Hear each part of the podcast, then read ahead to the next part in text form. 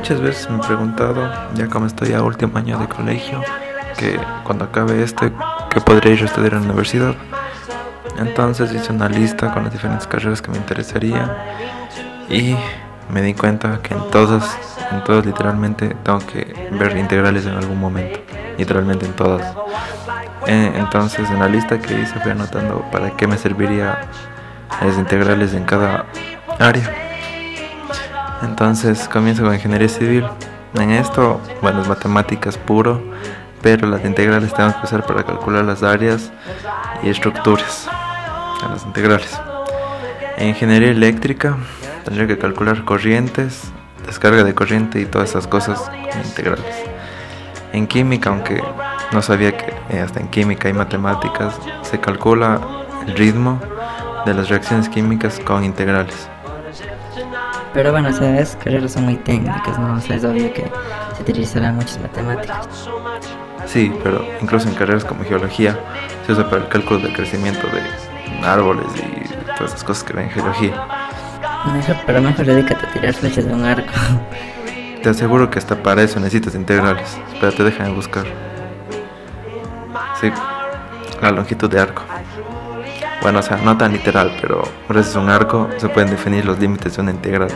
¿Los límites? Sí, o sea, ya sabes, el límite superior, inferior, lo que le ayuda en el proceso de la integral, el mayor y menor límite convergente y tal. No me convence que la longitud tenga un arco para tirar flechas, o sea, para definir los límites de la integral, o sea, no suena raro. Pues sí, y hay otras cosas que puedes comparar con las integrales.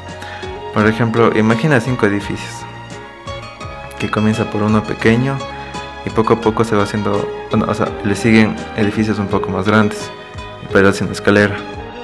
Ya, Ahora, imagina una curva que trace por la azotea del edificio. ya, bueno, ya. Pues calcular el área que existiría por debajo de la curva, eso te ayudaría a desarrollar el concepto de una integral. Y ahora ya no me vas a dejar dormir con las integrales.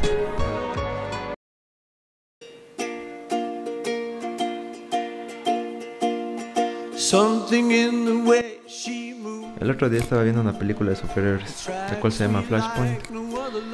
Esta era de cómo Flash regresaba al pasado para solucionar un problema. Y en lo que me di cuenta, o sea, él mientras corría, todo se volvía lento para él.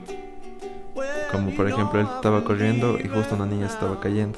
Entonces él podía ver cómo esa niña se quedaba quieta o caía muy lentamente. Pero él lo sentía todo normal, o sea, él se movía normalmente y tal.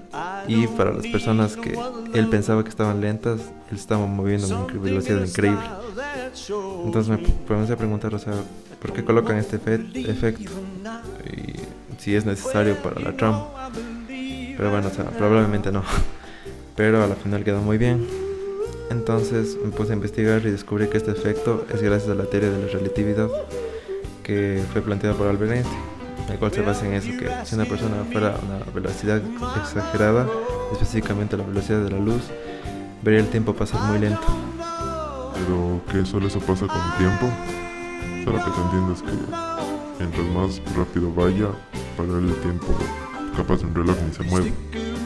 Sí, exacto, pero no, no solo pasa con el tiempo, sino también pasa con la percepción que tendría esa persona que está yendo muy rápido. Ya que este notaría un paisaje como que un poco más estrecho que una persona normal. ¿Y por qué eso no ocurre en Flash? Digo, no sé, capaz se les olvida. Entonces, si Flash iría muy rápido siempre, no envejecería, ¿no? Porque, o sea, como para él el tiempo pasa, capaz ni se mueve, es capaz no en- envejecería, pero las personas que están alrededor de él sí envejecerían porque para ellos el tiempo sigue continuando. ¿Sabes qué es curioso? Porque también hay una teoría de eso, que se llama la paradoja de los gemelos. ¿Es en serio?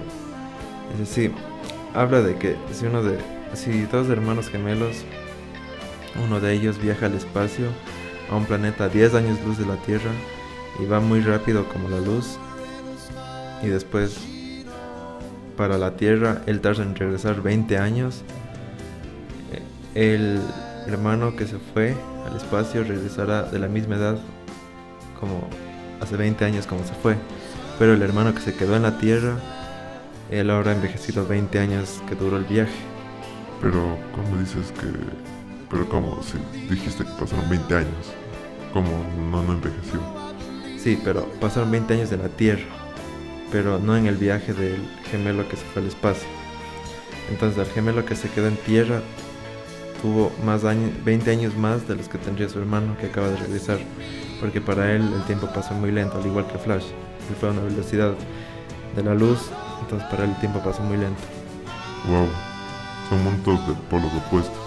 Dicen que los polos opuestos se atraen de manera natural o artificial, tipo así como los imanes o como las personas. Ya sabes, son los que se atraen a la fuerza o que existe repulsión entre ellos. No entiendo cómo cambiamos un tema como el de Flash y Einstein a dos personas enamoradas. Y yo,